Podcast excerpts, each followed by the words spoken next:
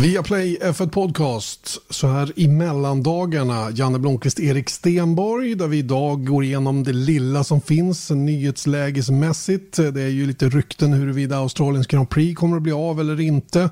Mycket pekar emot att det inte kommer att bli av, mer om det om en stund. Eh, hur går det för Lewis Hamilton och hans kontraktskrivande? Det verkar ha kört fast lite grann och många vill ju nu sprida massa rykten om varför. Eh, vi kan väl inte reda ut så himla mycket men vi kan ju resonera om det i vilket fall som helst. Tio svenskar i historien har tävlat i Formel 1. En av dem ska ni få träffa nu och det är inte den ni normalt tänker på som vi eh, skulle kunnat intervjua Marcus Eriksson eller Lillövers eller något sånt utan det är något helt annat. Vi välkomnar nämligen Torsten Palm till programmet idag. Och sen ska vi prata om eh, John Hogan. Många av er som följer Formel 1 har sett i era Twitterflöden då att en väldigt betydande man i Formel 1, nämligen vid namn John Hogan då har avlidit eh, relativt ung ändå får man väl ändå säga i, i sviten av covid-19. Han var ju the Marlboro man skulle man kunna säga och han har skrivit kontrakt med många storheter i Formel 1. Både förare och andra har honom att tacka sina karriärer för eh, i stor grad i vilket fall som helst. Eje Älg eh, vet mer om detta eftersom han hade med John Hogan att göra en hel del. Eh, och eh, Erik Stenborg, eh, mellandags fräsch. Oh, ja. ja, verkligen. Gott nytt år. Ja, detsamma. Gott nytt år, ja. Om det, ja, det är väl det, får man hoppas. Ja, det är lite tveksamt. Ska vi hoppa in i den där frågan runt... För det första måste jag verkligen uttrycka mina kondolenser mot, dina, mot din Instagram-nedräkning till premiären. Man lägger på Som du gör på Instagram. Ja, exakt. Men då får du börja om igen. Du kan lite... bara reposta. Ja, alltså. men jag lägger bara på. Jag är inte så, så, den är inte blodigt allvarlig på det viset. Men det var lite kul ändå tycker jag att följa varje dag. Och det gick ju fort att räkna bort 20 dagar. Väldigt snabbt känner jag. Mm. Alltså Janne har på sin Instagram, F1 Janna B, så lägger han ut en bild varje dag som representerar siffran av antal dagar som är kvar till premiären. Men nu har det dykt upp ganska allvarliga rykten, som du sa, runt att Australiens Grand Prix på Albert Park kanske inte blir av den, eh, när det var den skulle åka, den 21 mars 21 skulle mars, vi eh, eh, köra där. Och det verkar faktiskt som att det kan komma att skjutas upp återigen. Mm, tyvärr är det på det viset. Och det är ju naturligtvis eh, covid-19 då återigen som ställer till det. Eh, jag måste ärligt talat säga att när jag såg kalendern och tänkte på hur världen var då när kalendern presenterades och att, att Australien återigen läggs först så blir man ju lite förvånad över hur man tänkte för att det var ganska man blir ju inte jätteförvånad över att de nu hamnar i det här läget att de måste redan nu bestämma sig om racet ska gå att genomföra eller inte. Eh, det här är ju inte en permanent bana, den kräver rätt mycket omställning av Albert Park för att få till och det arbetet eh, måste dra igång då i slutet på januari. Hur skulle man kunna veta i slutet på januari att det ska gå arrangerat race? Så lite förvånad kan jag tycka att det, eh, eh, kan man bli i alla fall över, över, att, ja, över att de låg där de låg och att det har blivit som det har blivit. Mm, samtidigt så tycker jag att vi körde precis 17 race under säsongen 2020 med den här bubblan som liksom övertalade många faktiskt regeringar över att här, okay, jag tror att det var väldigt många som var tveksamma om att man skulle anordna ett sånt här Grand Prix under 2020 med tanke på hur det, hur det ser ut, såg ut och ser ut. Men vi körde ju de 17 race som var planerade. Det har vi pratat om förra veckan, inte minst. Just att det går att genomföra en global sport som Formel 1 om man tar eh, säkerhetsåtgärder. Och det är där jag tänker då att om man lägger ett race på en kalender så måste man ju då vara överens om att okay, vi kommer fortsätta med de här säkerhetsåtgärderna och därav är alla med på det när man lägger då en australiensisk Grand Prix på kalendern först av allt. Då måste vi säga, okej okay, men då har vi de här premisserna när vi väl kommer dit i mitten av mars. Men uppenbarligen så har det inte riktigt, ja troligtvis då, inte riktigt varit helt hundra. Eh, alla har inte varit helt hundra med på, på noterna helt enkelt som jag uppfattar det så är det ju myndigheterna som, och jag menar arrangören i Melbourne vill säkert kunna köra och hade säkert kunnat gå med om en biosfär också. Men, men det är ju problemet att myndigheterna inte tillåter eh, Formel 1 att komma dit utan att behöva vara där i två veckor innan. Och ni kan ju tänka er själva kostnaden för att, för att, eh, för att inhysa 15, 18, 2000 människor, inte vet jag, eh, som ska vara där i, i två veckor och inte göra någonting annat än att sitta inspärrade på hotell. Eh, mm. Det funkar liksom inte eh, rent logistiskt överhuvudtaget. Va? Och då, då är det ju svårt för arrangören att, att påverka saken. Va? Jag kan ju tycka att med som det har sett ut då, fram, eller under hela 2020 då, med den fina bubbla och, och ordning som Formel 1 ändå hade, så, så, så enda chansen för Australiens Grand Prix att kunna bli av var ju att man fick fortsätta använda sig av bubblan och noggrann testning, testning när man kommer dit, bla, bla, bla. verkligen se till att ingen sprider någonting och att redan vid gränsen om man då visar sig vara positiv så får man åka tillbaka hem. Man kommer liksom inte in i landet. Det hade liksom skyddat Australien. Men jag tror att ett annat problem är ju också att för att kunna arrangera Australiens Grand Prix så krävs det att de har publik. Och, mm. och, jag tror att det är, och det är en intäktsfråga. För att det är ju väldigt, väldigt dyrbart för dem att bygga den här banan och göra i ordning allting. Och kan de inte heller ha publik eller garantera att de kan ha publik, ja då blir det ju svårt. Och, och de blir ju inte jätteimponerade av rapporterna från Europa då, och England med, med ett nytt muterat virus som, som sägs vara 50-75% mer aggressivt när det gäller spridningen. Då. Inte hur sjuk man blir, men i alla fall spridningen. Det, det är ju sånt som oroar Australien som har haft siffror som har varit förhållandevis låga hela tiden i alla fall. Så att, eh, man kan förstå problematiken, men återigen, det är ju det mot bakgrund av det som man blir lite förvånad ändå. Och jag tror att det är inte den enda icke-permanenta banan som kommer att få ryka under året. Jag är jätteorolig för Monaco igen faktiskt. Mm, mm. Ja, men det är ett tydligt bevis på att trots att vi nu vet att vaccin är, är, liksom håller på att, att uh, ges över hela världen så, så är det långt ifrån klart. Och jag tänker liksom på, vi pratade om det om för några veckor sedan, att MotoGP presenterade sin kalender en, en satt kalender och sen så direkt började de justera den också. Och det kommer ju ske under det här året också, åtminstone det första halvåret tror jag. Så att jag tror att den 23-race-kalender som vi ser, jag menar till och med nu så har vi ju ett, en lucka där det står to be eh, decided, vilket race vi faktiskt ska köra som fjärde race till exempel. Och jag tror att eh, nu kanske det blir tredje racet. Det kan bli så att eh, eh jag, jag, säger bara det som ett exempel, att vi andra racet är i Bahrain. Det skulle kunna vara så att man kör återigen två eh, olika slingor i Bahrain för att liksom nå upp till det. För att jag tror att också att man vill liksom säkerställa att man får rätt antal race, så att det är fler än 17 till exempel.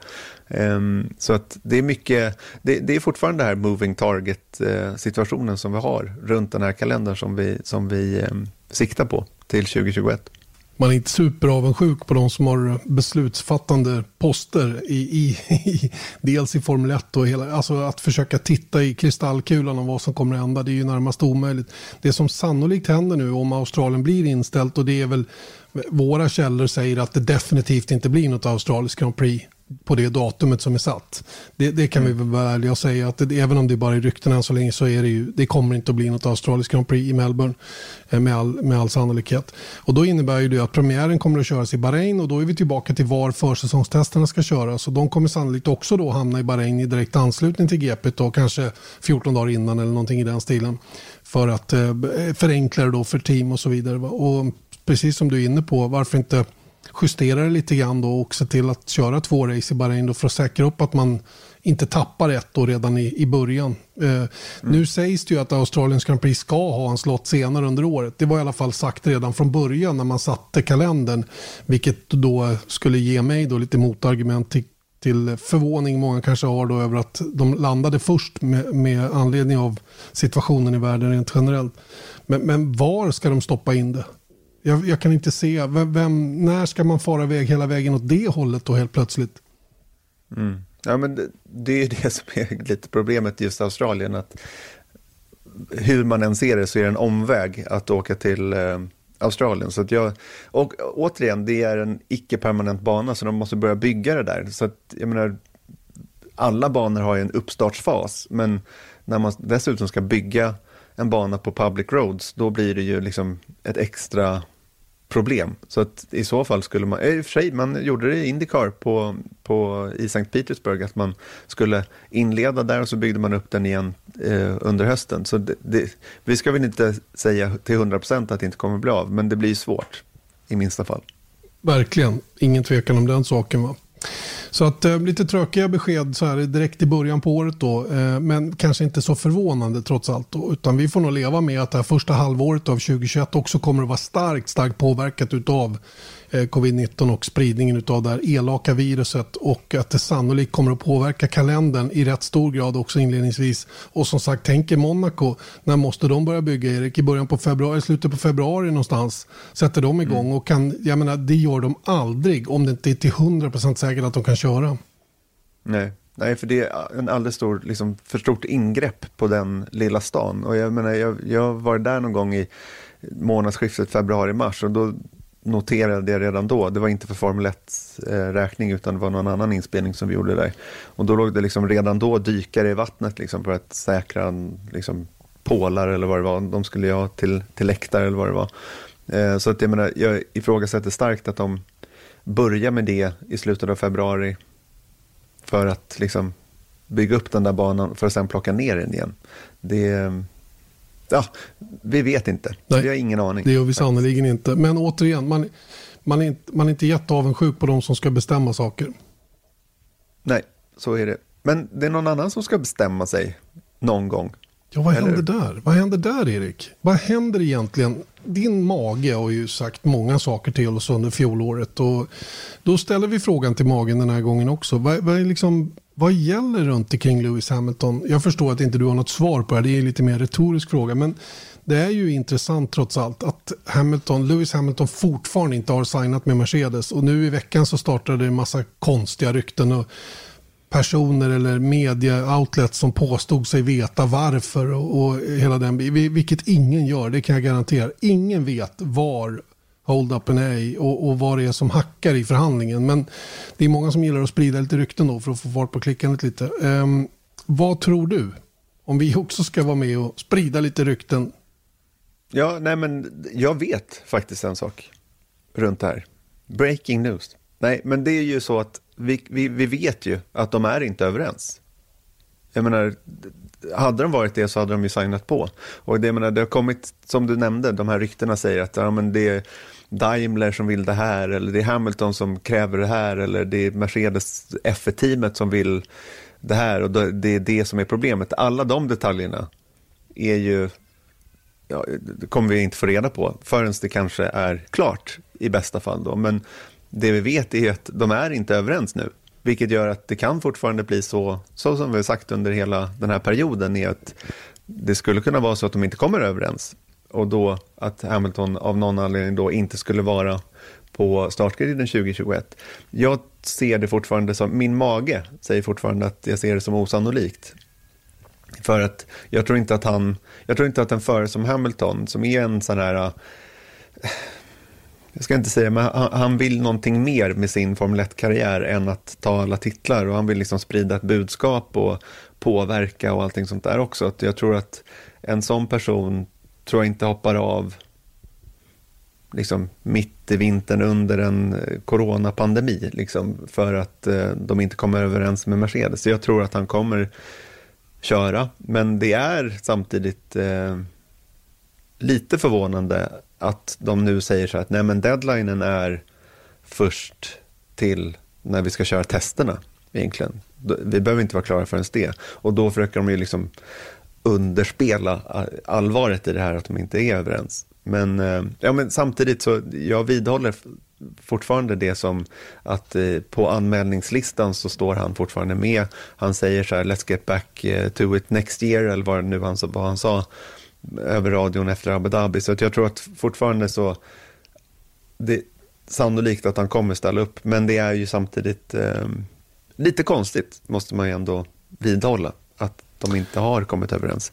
Visst är det det. Och eh, det är ju inte så att det spelar ner några rykten utan det skapar ju snarast ryktespridning då att, att man inte är tydligare och eh, redan har gjort klart. Då. Ehm, det här är ju en högst ovanlig situation också för en världsmästare. Eh, så flerfaldig världsmästare som man är. Men det, vi kanske har nått taket för vad en, eh, en världsmästare av det här måttet kan begära. Vi var inte helt olik situation med Michael Schumacher en gång i tiden. Och visserligen körde han ett par år efter att han tagit sin sjunde titel då, 05 och 06 va, när han inte blev världsmästare. Och sen, sen tog det slut. Förr eller senare tar det slut Eh, nu tror jag inte, precis som du, att det kommer att ske med Hamilton ännu. Men eh, är det så att han, eh, att han sätter ribban för högt för, för eh, motparten så att säga, då kan det ju vara så att man säger att men du, vi kommer inte längre. Tack för den här tiden. Du har varit otroligt nyttig för oss. Men eh, nu, eh, nu skiljs våra vägar åt och vi önskar dig lycka till med vad du än ska göra. Det kan ju bli så. Mm, absolut. Ja, men, och man vet ju inte vem det är som sätter ribban. Om det är Mercedes som sätter ribban lågt eller om det är Hamilton som en, sätter den högt. Så att säga också. Men, men poängen är att de är inte överens. Nej. Hade de varit det så hade de ju eh, presenterat det vid det här laget. Det är fakta, Erik. Ja, så är det. Alex Albon då? Just det. Han, eh, han har ju redan fått tack och hej ifrån Red Bull mm. och eh, vet nu vad han ska göra nästa år. Han kommer nämligen vara reserv och simulatorförare för Red Bull. Och då ehm, eh, i den rollen så behöver han kanske något mer att göra och eh, igår kom beskedet att han kommer att köra DTM. Mm. Eh, Liam Lawson, en annan Red Bull junior, kommer också att köra i DTM. Eh, jag vet inte om de kommer att hålla till i samma team. DTM som gör ganska stora förändringar till nästa år. De går över till GT3-reglemente. Alltså man går ju bort ifrån den här siluettbilen som man har kört tidigare då Eh, väldigt eh, high performance och mycket aerodynamik. Nu går man över till en mer, mera konventionell racerbil i form av GT3. Och eh, i en sån ska då Alex Albon tävla då de gånger det inte krockar med andra uppdrag då när det gäller Formel 1 och, och eh, det han ska göra för Red Bull Racing. Eh, det är ju inget, eh, det är ju ingen det är inget steg uppåt kan man ju säga i karriären. Va? Men han har i alla fall något att göra. och, och ja, Red Bull har ju som sagt alltid egentligen tagit hand om sina förare som, som man på ett eller annat sätt då har lyft fram hela vägen upp till Formel 1. De får ofta fortsatt stöd även efter att man väljer att inte använda dem på högsta nivån. Och det kommer ju att gälla även Alex Albon såklart. Så att han får väl försöka bita ihop då. Jag, jag tror inte han eh, kommer tillbaka till Formel 1 mer faktiskt. Men eh, låt oss hoppas att för, han, för hans skull att det inte blir så. Det som är, kan vara, och det är lite så här makabert kanske att säga det, men det är just den här grejen att som vi nämnde i början av podden, just den här osäkra kalendern, det gör också att smittspridningen kommer fortgå under åtminstone liksom stora delar av kommande säsong. Och då känns det som att eh, det kan vara ganska bra att ha någon i böckerna, så att säga, för att kalla upp om det skulle ske någonting med de fyra förarna som de eh, kommer köra med då nästa år i Alfa Tauri och i Red Bull. Så att eh, han kan ju komma att köra nästa år, men jag tror som du att det, det blir nog svårt att ta sig tillbaka in i Formel 1 permanent under Red Bull, eller med Red Bull i någon mm. form. Ja. Ja, och, och chansen att lyckas med det utanför Red Bull-familjen är ju ännu mindre egentligen, skulle jag säga då, sett till vad vi vet om hans support runt omkring då. Mm. Ni lyssnar alltså till Viaplay F1 Podcast med Janne Blomqvist och Erik Stenborg. Nu ska vi komma till lite tråkigare besked. Vi har ju landat lite grann i covid-19 tidigare då eh, och påverkan på Formel 1-kalendern. Det har påverkat en hel del annat. Vi fick eh, häromdagen reda på att en eh, väldigt fram framstående person inom Formel 1 eh, avlidit i sviten av covid-19. Han heter John Hogan och var chef över Marlboro Motorsport. Och, eh, en, en, en person som eh, har som många ska tacka för sina karriärer. Både förare och andra gissar jag som, som, har, som har fått eh, mycket gott utifrån det som John Hogan gjort. Och för att ta reda på lite grann vem John Hogan var, för jag antar att inte alla vet det, så har vi eh, bjudit in Eje Elg som faktiskt eh, jobbade med John Hogan eh, efter karriären men framförallt har John Hogan att tacka mycket för att han kom in i motorsporten på, på allvar.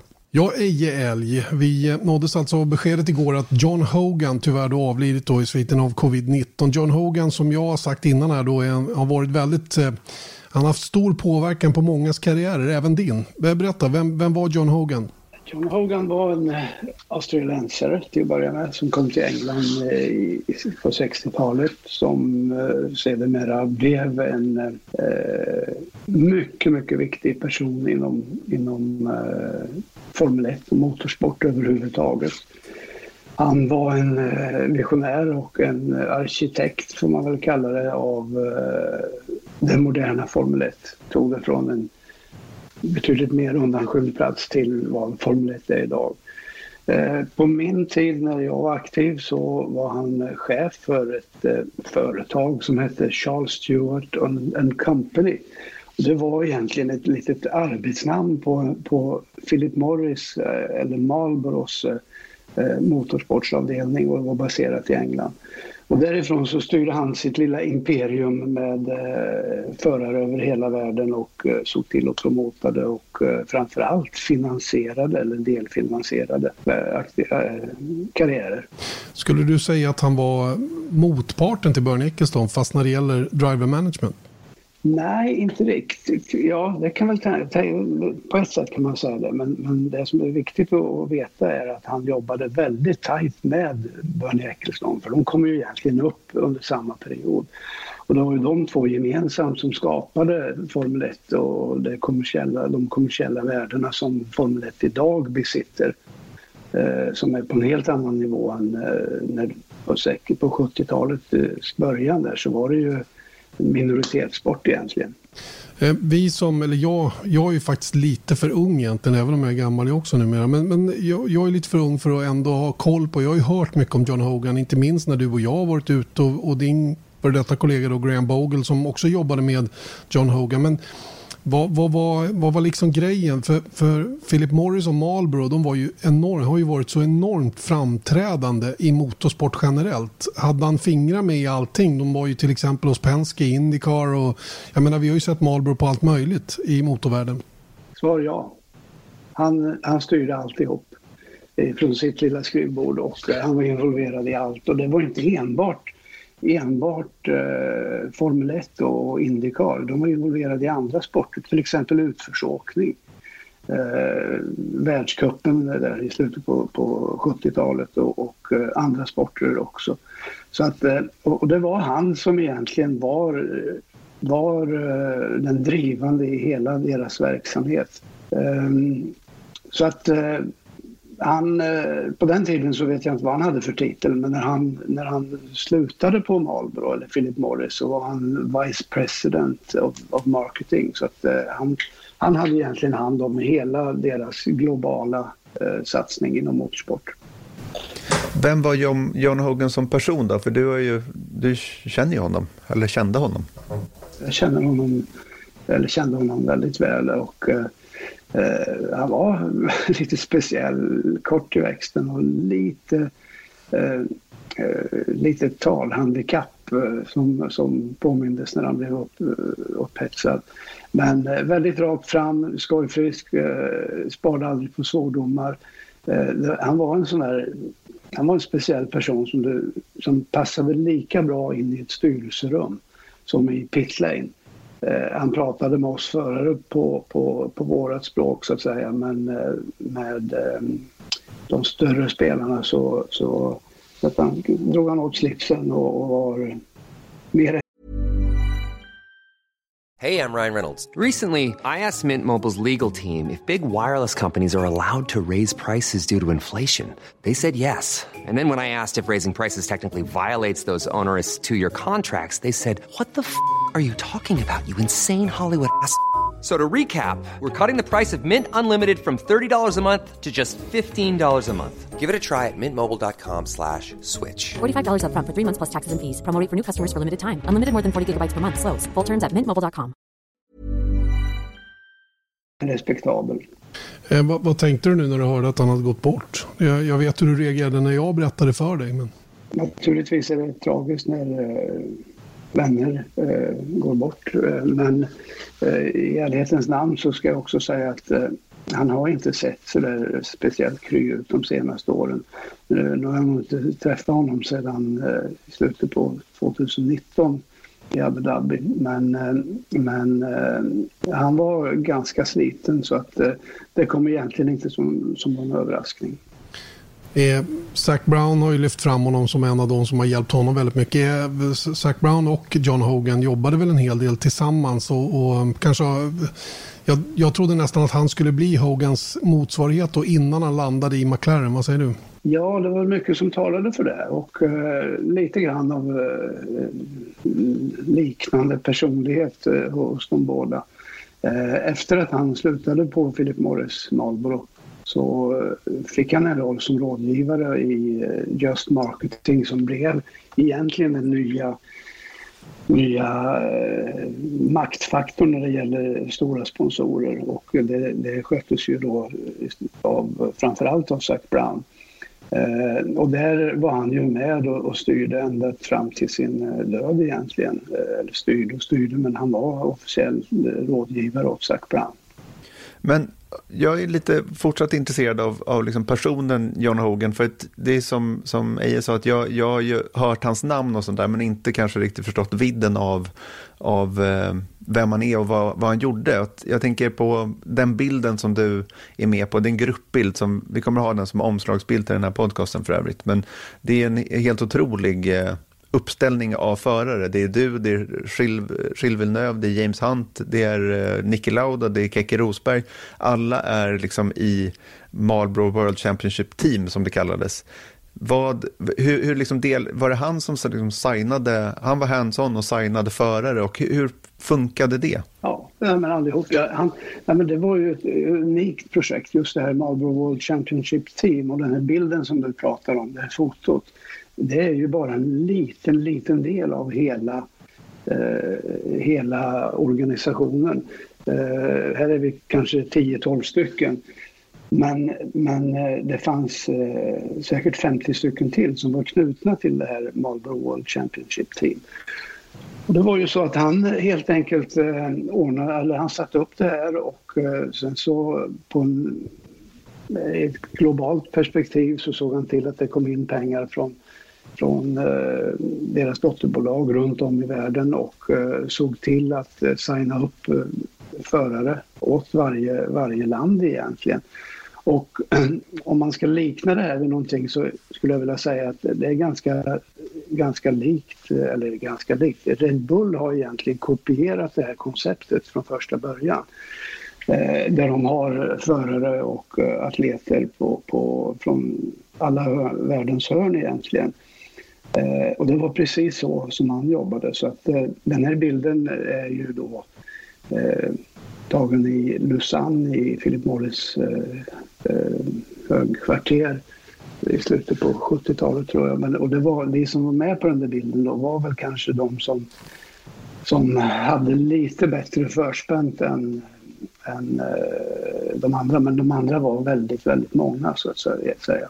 Det finns en annan story där när du dyker upp i Monaco tror jag. Och sen så helt plötsligt så står det Marlboro över hela din bil och då hade ju Ronnie Pettersson då hjälpt dig i någon form för att komma in i den här eh, grejen. Hur, hur funkade liksom Marlboros eh, sponsorverksamhet? Vad var kickbacken som de fick? Vad, vad behövde ni som förare göra för att vara med i det här? Resultat på banan. Det var mm. egentligen det enda, enda som var kriteriet. Och den här historien som du berättar, den, den, äh, min bil var äh, ljusblå ända fram till Monaco. Precis som du säger, jag var lika förvånad som alla andra när den var röd och ljusblå i Monaco. Det stod Marlboro över hela bilen. Det hade jag ingen aning om.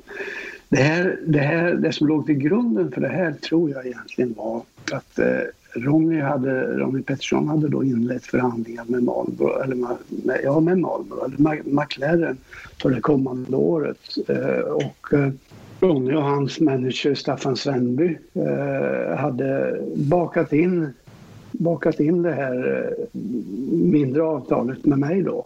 Så från det datumet så var jag, blev jag medlem i eh, Marlboro World Championship Team och mina bilar var Eh, sponsrade, helsponsrade i stort sett av, av eh, eh, Marlboro.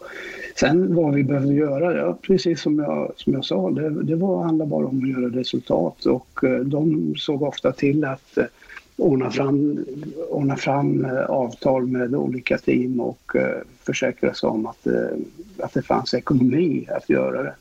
det. Och det säger ju någonting om hur stora Philip Morris och Marlboro var på den här tiden och hur mycket pengar som fanns då. Att de kunde liksom, Ronnie Pettersson kunde baka in en tillförare som fick sin körning liksom finansierad.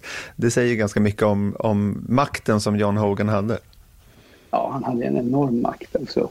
Och eh, de var ju eh, ruskigt stora och det var ju många andra tobaksbolag som försökte ta efter. Eh, och som till viss del lyckades. Men eh, det här var ju ett eh, ypperligt sätt för dem att marknadsföra sina produkter och i takt med att Formel 1 framförallt då kommersialiserades och blev en tv-produkt så, så var, väl, det var väl där pengarna de fick retur på sina investerade pengar helt enkelt. Ja, alright. Tack Ejel för de orden om John Hogan, alltså tidigare boss då för um, Marlboro Motorsport eller jobbandes för Philip Morris och en stor makthavare inom Formel 1 givetvis då som tyvärr då bara för någon dag sedan gick bort då i sviten av covid-19. Då Erik Stenborg har vi kommit till någonting väldigt kul. Vi har bestämt oss för att försöka uppmärksamma de som faktiskt har kört Formel 1 och är svenskar. Och det är ju lite kul. Det är inte jättemånga som har fått den möjligheten. Nej, det är bara tio stycken i hela historien som har kört Formel 1. Tävlat i Formel 1. Därför känns det extra roligt att uh, få prata med den första vi har fått tag i då så här långt. Som, som alla kanske inte känner till. Om man är av den lite yngre, yngre gardet. Torsten Palm, välkommen till Viaplay F1 Podcast. Tack så mycket. Eh, du är en av de här få som faktiskt har fått chansen då. En av tio svenskar i historien som alltså tävlat i Formel 1. Och du har ju självklart fått den här frågan många gånger tidigare. Men hur känns det att höra det idag? Ja, det är ju naturligtvis lång tid sedan tillbaka. Det var 1975 och det är klart att man blir positivt positiva vibbar på att någon kommer ihåg det. Och det kommer faktiskt, om man får skryta lite, någon gång i månaden från utlandet mest. Eh, folk som samlar på alla som har tävlat i Formel 1. Köra Formel 1 är ju många som säger att de har gjort och, och det stämmer ju. Det är ju många svenskar som har kört och testat och vänster och höger men vi är ju tio som har startat Grand Prix och tyvärr är vi ju inte med allihop längre. Och det känns ju att åren går.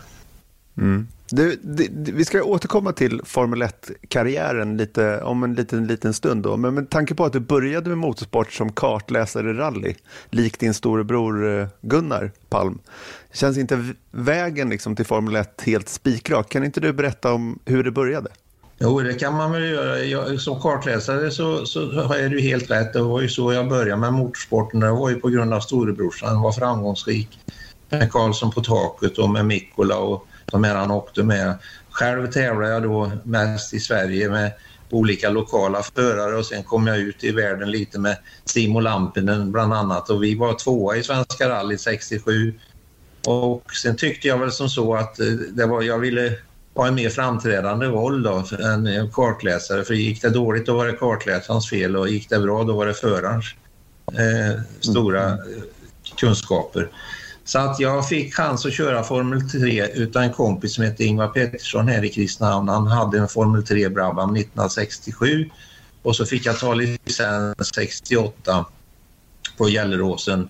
Eh, och då på hösten 68 så köpte jag Ulf Svenssons gamla Brabham. Eh, han var bosatt i Varberg. Vi var nere i januari 69 då och hämtade den där bilen och sen debuterade jag på Knutstorp i snöstorm i april 69 med Formel 3. Och den stora föraren då i Sverige, eller de stora var ju Ronny Pettersson och Reine Wiesel. De var ju i toppen i hela Europa och krigade. Sen kom Ronny hem. Eh, Reine körde på engelsk licens 69 så han fick inte tävla i SM. Eller han fick tävla men han fick inga poäng. Medan Ronny då var ju helt outstanding och när han kom hem till Karlskoga till vår hemmaklubb, han bodde i Örebro och jag i Kristinehamn och så träffades vi där och vi hade ju träffats några gånger förut men vi tävlade mot varandra på SM i maj. I Kristi himmelsfärdshelgen eh, var vi först och tränade i Karlskoga och så sa jag att jag åker, jag åker bakom Ronny så får jag lära mig lite spår. Så efter en 8-10 varv så stannade han i depån och jag också och sa vad är det för, vad, vad är det för en som håller på som inte jag kommer ifrån? Och då kände jag ju att nu är det något på G i alla fall att jag kan hålla fart så jag i stort sett åker lika fort som, som på Karlskoga och så blev jag tvåa i den tävlingen där och blev tvåa i hela SM 69 efter Ronny. Sen flyttade Ronny till England hösten 69 och jag fick då vinna SM efter att han försvann så vann jag SM 70-71. Det är helt otroligt att, att jag menar om du åker som kartläsare, jag menar Ronny Pettersson vet vi hade en lång go-kart-karriär i yngre år och sen så hoppar du in i en Formel 3 som är en ganska snabb bil och sen så kommer du tvåa i SM bakom Ronny Pettersson. Så jag fick ju rätt så mycket uppmärksamhet då. Och eh, jag hade ju åkt rally själv lite grann också men jag hade ju aldrig åkt några bantävlingar. Men det kändes bra från början och det var bra, bra material jag fick köpa på mig. Så att eh, eh, allting funkar jättebra. Och sen bildas det här teamet Männen som vi var bland de första i Sverige att ha ett riktigt team. Och sen som sagt var så åkte jag ju Formel 3 fram till... Sen fick jag åka Formel 2 1973 och då satte jag banrekordet på Karlskoga och det var mycket folk där, jag tror det var 35 000 på kanonloppet i, i 73. Och, och, då fick jag banrekordet och var bästa svensk. Så jag tog täten ner i Tröskurvan och upp till velodromen. Där kom Peter Gettin som då körde Formel 1 och, och Charrier, en fransman. Så vi tre tampades i täten i 68 varv. Och det var min bästa tävling och efter det så fick jag uppmärksamhet genom att Graham Hill eventuellt skulle jag få provköra Formel 1 för. Men sen kom ju 84 med olje oljekrisen och då drogs alla sponsorer bort och tävlingar ställdes in och vi visste ju inte om vi skulle få bensin till bilen för att ta sig till jobbet. Så 84 var, 74 var ett krisår. Du, det här med eh, suget att sitta bakom ratten då. Du var ju inne på det lite grann. Du ville inte sitta där i högerstolen då. För att du fick alltid skulden när det gick dåligt och den som, när det gick bra så var det den som körde. Så var det där det vaknade till liv så att säga? Eller har det alltid funnits det där att du tyckte om att köra? Jag tyckte om att köra, det har jag gjort ända och det är ju preskriberat nu, men min första bil hade jag när jag var 12 år. Men här i Värmland var vi inte så noga på den tiden utan jag var ute i skogen och laddade och rulla och höll på med bil, bilåkning på grusväg och på vintern så plogade vi här på Vänern på viken och körde på viken på nätterna. Så att själva bilåkat, ja jag fick balansen för min, i min värld så ligger bilåkning mycket i stjärtpartiet. Hur sitter du i bilen? Var känner du balansen? Och det lärde jag väl mig lite grann på kartläsarsidan. Och sen tog jag över och åkte lite rally själv. Men kände väl att när jag fick chansen att åka Formel 3 så tog jag den och det var ju det som styrde in de framgångsrika åren.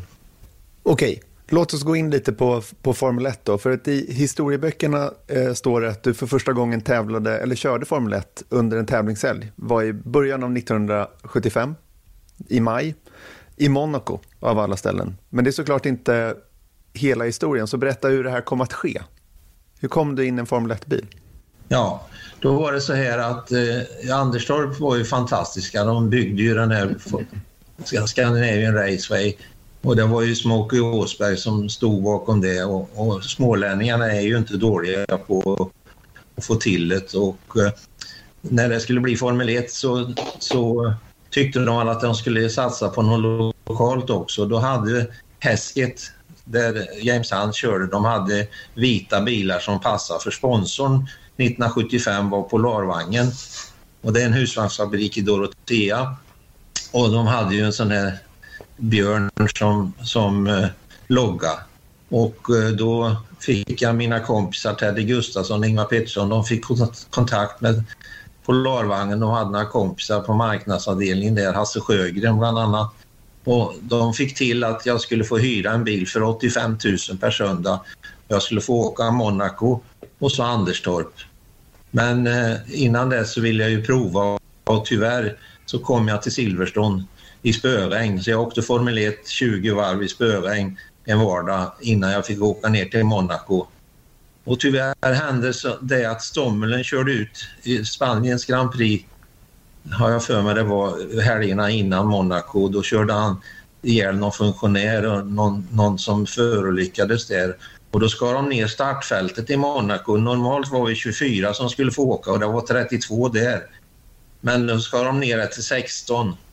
Och till och med Graham Hill som hade vunnit så många år, han kvalade inte in. Men, och det gjorde tyvärr inte jag heller då. Så att jag, jag var i Monaco, jag hade kört Formel 3 i Monaco jättebra. Men jag fick, kom inte med i tävlingen. Men... Så gick det 14 dagar. Och sen blev det Anderstorp. Men, men innan vi kommer till Anderstorp, då, eh, fick du träna och, och, eller fick ni aldrig ens ställa upp i Monaco? Du fick du köra banan i Formel 1-bil? Jo, jo, absolut. Jo. Jag tränade för fullt men jag kvalificerade mig inte. Jag var 18 man på griden och det var bara 16 som startade. Så du var på marginalen med andra ord. Okej, okay. sen var det då Anderstorp då som, som blev huvudnumret då kan man säga? Ja, det var, det var Anderstorp och det, det, var naturligtvis stort för mig då. För det första att få ihop de där eh, pengarna och det hade jag ju hjälpt till så det var många som hjälpte till. Och vi fick in de där pengarna och jag fick, fick åka de här eh, tävlingarna då. Och, eh, I Anderstorp så hade jag förutsättningar att jag skulle ta mig i mål för på den tiden var det de sex första som fick poäng. Och det är klart, det var väl en hög, hög målsättning att gå in på poängplats på första racet. Men jag kom i mål som tia och eh, jag kan säga på flygplansrakan på sista varvet så tog soppan slut. Men jag blev kvalificerad tia. Men när jag satt i, där och tänkte på de här farterna och då ska ni veta hur det var på den tiden. Så fort jag åkte i räcket så började det brinna. Och det var mycket olyckor och många kompisar från Formel 3 och Formel 2 som försvann. Och jag var väl, jag var väl för blöt. Så jag kände på mig att jag, jag ska sluta med det här. För det, det var så. Du, du, du ehm, är registrerad som tionde man, men du, det står också DNF och det var på grund av den här bränslestoppet då på sista varvet. Men om vi kommer då till, vi ska fortsätta sen vad som hände därefter, men hur var det att stå, liksom, jag menar, även om din racingkarriär uppenbarligen var hyfsat kort innan det här, hur var det ändå att stå, att känna liksom att nu står jag på, på startgriden i ett Formel 1-lopp och dessutom på hemmaplan? Ja, det var ju stort och det är klart det är länge sedan nu och jag har väl svårt att komma ihåg exakt hur jag kände det då men, men jag, jag vet ju att jag skulle i alla fall inte gå in i någon startsväng med chans att de skulle köra över en utan jag gjorde väl en mjuk start och kom väl, i, kom väl ut första varvet som 22 eller 23 och eh, men sen plockade man ju några och sen och då var det många som bröt. Så jag kan säga att, att jag gjorde ju ingen... ingen den, den bästa racertävling jag har kört var inte den utan det var Karlskogas F2-EM när det var 48 stycken Formel 2 i Karlskoga. Och Ronny var efter mig och hade ju inte samma material som mig.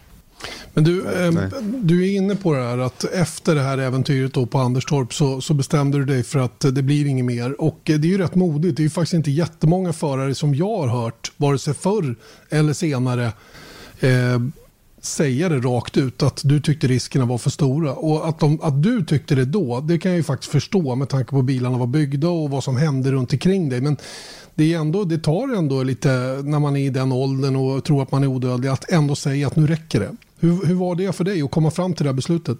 Ja, det var en kombination av mycket. För det första visste jag att det skulle kosta mycket pengar att fortsätta. Det var ju sponsorer som behövde till. Och jag var ju 28 år då. Och eh, eh, samtidigt så chefen för Polarvagnen, Bertil Holmqvist, som tyvärr inte är med längre, han erbjöd mig ett fint jobb.